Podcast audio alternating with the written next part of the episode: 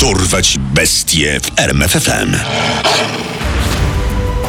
Imię i nazwisko. David Berkowitz, Pseudonimy. syn Sama, 44-kalibrowy morderca. Oskarżony o Sześć zabójstw dokonanych w latach 70. w Nowym Jorku.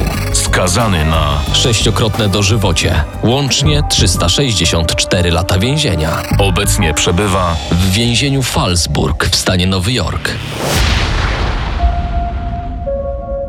Jest 26 lipca 1976 roku. Nowy Jork, dzielnica Bronx. Zbliża się północ. Dwie dziewczyny, 18-letnia Donna Loria i o rok starsza Jodie Valenti, siedzą w aucie przed domem Donny. Humory im dopisują. Śmieją się tak głośno, że musi interweniować ojciec Lori. Słuchajcie, moje panny, możecie już skończyć te śmiechy i iść spać? W pobliżu samochodu stoi jakiś mężczyzna, przyglądający się dziewczynom. Widzisz tego faceta, Jody? Co to za świr? Nagle mężczyzna wyciąga z papierowej torby pistolet i strzela w szyję Donny. Następnie strzela jeszcze raz i trafia Jodie w udo. Dziewczyna czołga się w stronę domu koleżanki, rozpaczliwie wołając o pomoc. Ratunku! Jezus Maria! Ojciec Donny wyskakuje w piżamie przed dom. Wkłada obie nastolatki do auta i wiezie je jak najszybciej do szpitala. Tym czasie napastnik ucieka. Jodie ma szczęście. Kula drasnęła jej udo, ale dziewczynie udaje się przeżyć. Donna niestety umiera. Tym samym staje się pierwszą śmiertelną ofiarą seryjnego mordercy, Davida Berkowica, który sam siebie nazywał synem Sama i który później, już w więzieniu, tak opisywał swoją pierwszą udaną zbrodnię. Czułem, że muszę dorwać te dwie kobiety w aucie. Strzeliłem przez szybę. Potem naciskałem spust, nawet jak skończyły się naboje. Nie mogłem przestać patrzeć na rozpryskującą się szybę. Po zamordowaniu Dony Lori, napastnik poszedł do domu i położył się do łóżka. O tym, że zabił dziewczynę, dowiedział się z telewizji. Od tamtej pory fantazjował na temat Donny. Nasze dusze na zawsze zostały związane węzłem małżeńskim. Tymczasem nowojorska policja, szukając sprawcy, nie miała pojęcia, że ma do czynienia z seryjnym mordercą i że to dopiero początek jego morderczego szlaku, który ostatecznie zakończy się w nowojorskim więzieniu stanowym.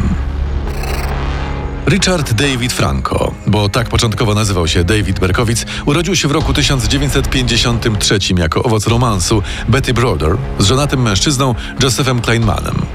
Zaraz po urodzeniu chłopiec został oddany do adopcji i trafił do żydowskiego małżeństwa Natana i Pearl Berkowiców.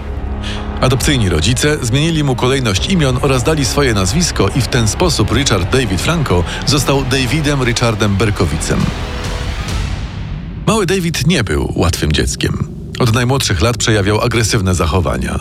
Atakował kolegów, dręczył też zwierzęta. Do jego hobby należała piromania. Koledzy z klasy nadali mu nawet ksywkę Piro. Sam Berkowicz w jednym z dokumentów tak wspomina swoich przybranych rodziców i dzieciństwo.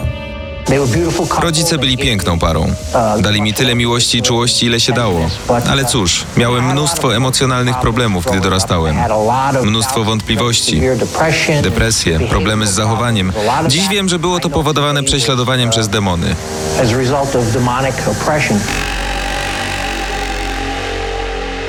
Młody David nie chciał się uczyć, choć nie brakowało mu sprytu i inteligencji.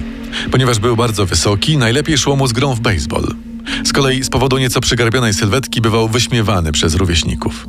Podkochiwał się w koleżance z klasy, niestety bez wzajemności. Jednak jego największe problemy emocjonalne zaczęły się, gdy miał lat 12. Wówczas na raka piersi zmarła Pearl, jego przybrana matka, chyba jedyna osoba, którą naprawdę kochał. Miał żal do ojca, że po paru latach związał się z nową partnerką. W końcu Nathan zostawił synowi mieszkanie i wyprowadził się na Florydę. Natomiast David zaciągnął się do armii i wyjechał na trzyletnią służbę do Korei Południowej. Został zapamiętany jako doskonały strzelec. W Korei przeżył też inicjację seksualną z prostytutką. Chcesz mi powiedzieć, synku, że nigdy nie byłeś z kobietą? W ten sposób jego główną pamiątką z Azji stała się choroba weneryczna. Po powrocie ze służby odnalazł swoją biologiczną matkę, która odnowiła także kontakt z ojcem Davida, Josephem Kleinmanem. Cała trójka na krótko zamieszkała razem. David pomagał rodzicom w sklepie i przez kilka miesięcy było niemal sielankowo. Pewnego dnia mężczyzna jednak zniknął bez słowa. Wrócił do Nowego Jorku i stopniowo zaczął popadać w obłęd. W liście do ojca pisał między innymi Ten świat staje się coraz mroczniejszy. Są ludzie, którzy mnie nienawidzą. Wielu z nich chce mnie zabić, śmieją się ze mnie. Idę ulicą, a oni mnie kopią i plują na mnie. Ale już wkrótce wszystko zmieni się na lepsze. Berkowic przestał wychodzić z mieszkania. Miał obsesję, że ktoś go prześladuje. Zainteresował się satanizmem. Z oddaniem studiował Biblię szatana. Uważał, że w jego głowie zalęgły się głosy, które każą mu składać ofiary z ludzi. W Wigilię 1975 roku w końcu wyszedł z domu. Tylko po to, by dźgnąć myśliwskim nożem przypadkową dziewczynę. Kobiecie nic poważnego się nie stało, ale jej krzyk wypłoszył Davida. Nie na tyle jednak, by wrócić do mieszkania. Znalazł nową ofiarę, 15-letnią Michelle Forman. Gdy próbował wbić jej nóż w głowę, dziewczyna zaczęła się bronić. Co robisz? Ratunku! Niech mi ktoś pomoże! Berkowic uciekł w popłochu, ale ataki go, paradoksalnie, uspokoiły. Chwilowo głosy w jego głowie zamilkły. Postanowił zmienić mieszkanie i wynajął pokój u Jacka i Nan Kassarów. Właściciele mieszkania mieli owczarka niemieckiego, który wyjątkowo głośno ujadał i działał Berkowicowi na nerwy. Wydawało mu się też, że pies namawia go do zabijania kobiet. Początkowo mili Kassarowie stopniowo w głowie mężczyzny zaczęli przeistaczać się w demony. W jednym z późniejszych wywiadów opowiadał. Nie byli ludźmi. Pojawiał się w nich demon, który wołał krwi i śmierci. David wyprowadził się od Kassarów, ale nie od demonów. Tym razem wcieliły się one we właściciela nowego mieszkania, sama Kara i jego labradora. Ten pies także szczekał w sposób, który według Berkowica przywoływał szatana. A szatanów kazał mu mordować ludzi.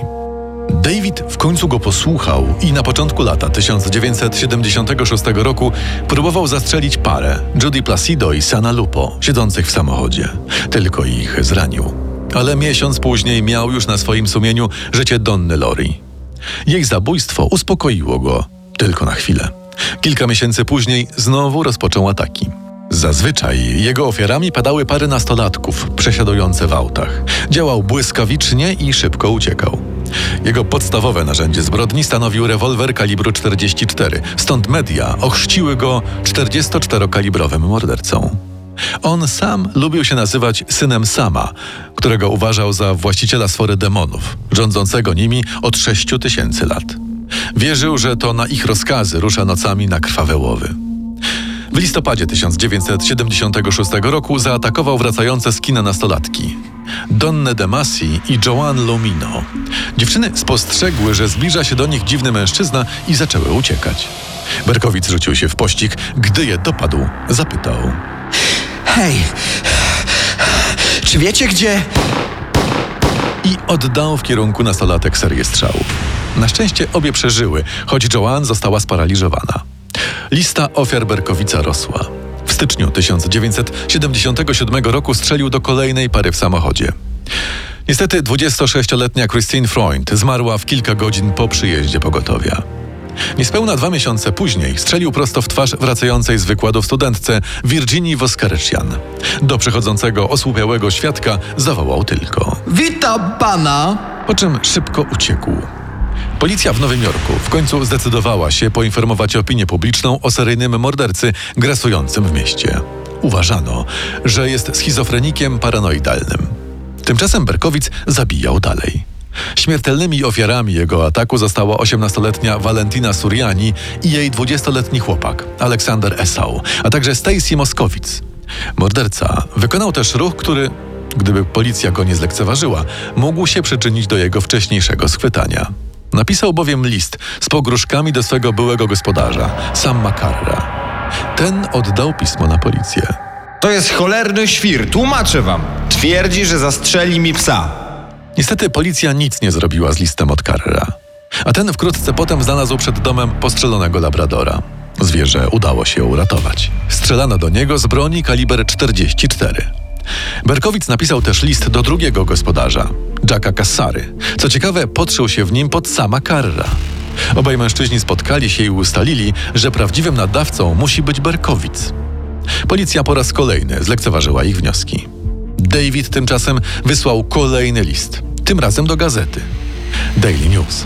W końcu detektywi zaczęli łączyć ze sobą fakty. Słuchaj, pamiętasz gościa, który twierdził, że niejaki Berkowic ostrzelał drzwi jego mieszkania?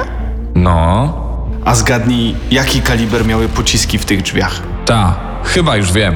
Dowodów świadczących, że to David Berkowic jest seryjnym mordercą było coraz więcej.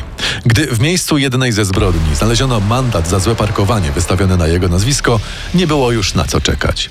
10 sierpnia 1977 roku otoczono jego dom. Berkowic spokojnie przyznał się do wszystkich napaści. Był nawet zadowolony, że w końcu go ujęto. Te demony już tak. tak bardzo mi dokuczały. Przybyliście panowie w samą porę. Aha, jakby co? To 1488 pożarów w Nowym Jorku. To też ja. David Berkowitz, syn Sama, 44-kalibrowy morderca, został skazany na 364 lata więzienia. Sąd uznał jednak, że cierpi na chorobę psychiczną, dlatego uniknął kary śmierci. W roku 1979 jeden z więźniów próbował go zamordować. To wydarzenie odmieniło życie Berkowica. Postanowił się nawrócić i poprosił, by nazywano go odtąd synem nadziei, a także zaczął gorliwie praktykować chrześcijaństwo. Został nawet kapelanem. Na swojej stronie internetowej przyznaje, że przykro mu z powodu tego, jakim był człowiekiem. Żałuję tego, co zrobiłem. Prześladuje mnie to. Berkowic uważa, że nie zasługuje na przedterminowe zwolnienie, nie zamierza się o nie ubiegać. O swoim życiu i przemianie opowiada także w autobiografii i w licznych wywiadach. Co ciekawe, w jednym z nich zeznał, że cała historia z demonami jest wyssana przez niego z palca. Przyznawał, że jest opętany, bo chciał uniknąć kary śmierci, a zabijał, bo, bo to lubił. To wyznanie i postać Davida Berkowica wykorzystali scenarzyści słynnego filmu Mindhunter. Co zatem jest prawdą o jednym z najsłynniejszych seryjnych morderców w historii USA? Czy rzeczywiście jest teraz miłującym bliźnich żarliwym katolikiem? Czy zabijał, bo był chory psychicznie, a może tylko udawał chorobę? Na pewno jest zręcznym manipulatorem, okręcającym sobie wokół palca media i opinię publiczną. Ten wydawałoby się pełen empatii, skruszony, nawrócony człowiek, były żołnierz amerykańskiej armii, w innym z wywiadów wyznał. Żołnierz. Żołnierz po prostu zabija wroga i szuka kolejnego celu. Jako żołnierz wypatrywałem celu, czyli ludzi do odstrzelenia. Gdy wypełniłem zadanie, nie mogłem się rozklejać. Musiałem być silny, walczyć o przetrwanie. Tak, jak na polu bitwy. Poznaj sekrety największych zbrodniarzy świata. Dorwać bestie w RMFFM. Żałuję tego, co zrobiłem. Prześladuje mnie to.